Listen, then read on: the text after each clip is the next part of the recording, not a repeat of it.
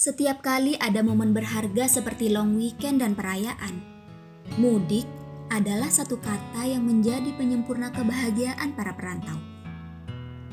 Bagi mereka, pulang ke kampung halaman mampu melepuhkan kerinduan meski barang sebentar.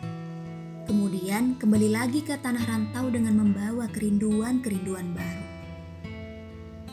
Ada kalanya mudik menjadi pilihan yang dilematis bagi sebagian orang lama meninggalkan kampung sendiri, namun penghasilan masih saja pas-pasan. Usia beranjak tua, pasangan hidup belum punya.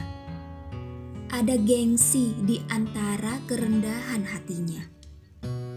Lalu semakin subur rasa itu sebab anggapan para tetangganya yang semena-mena. Seharusnya dengan menjelaskan kondisi yang sebenarnya adalah sebuah solusi namun apalah daya saat penjelasan itu terucap, muncul anggapan baru yang semakin runyam. Ah, hidup di antara harapan-harapan dan anggapan baik orang banyak ternyata menakutkan.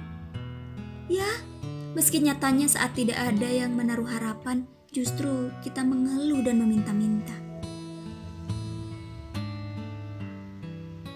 Pada akhirnya, Mudik bukan lagi momentum yang menyenangkan diri sendiri, akan tetapi sebuah formalitas untuk memuaskan ekspektasi orang lain. Apakah kamu mengalaminya?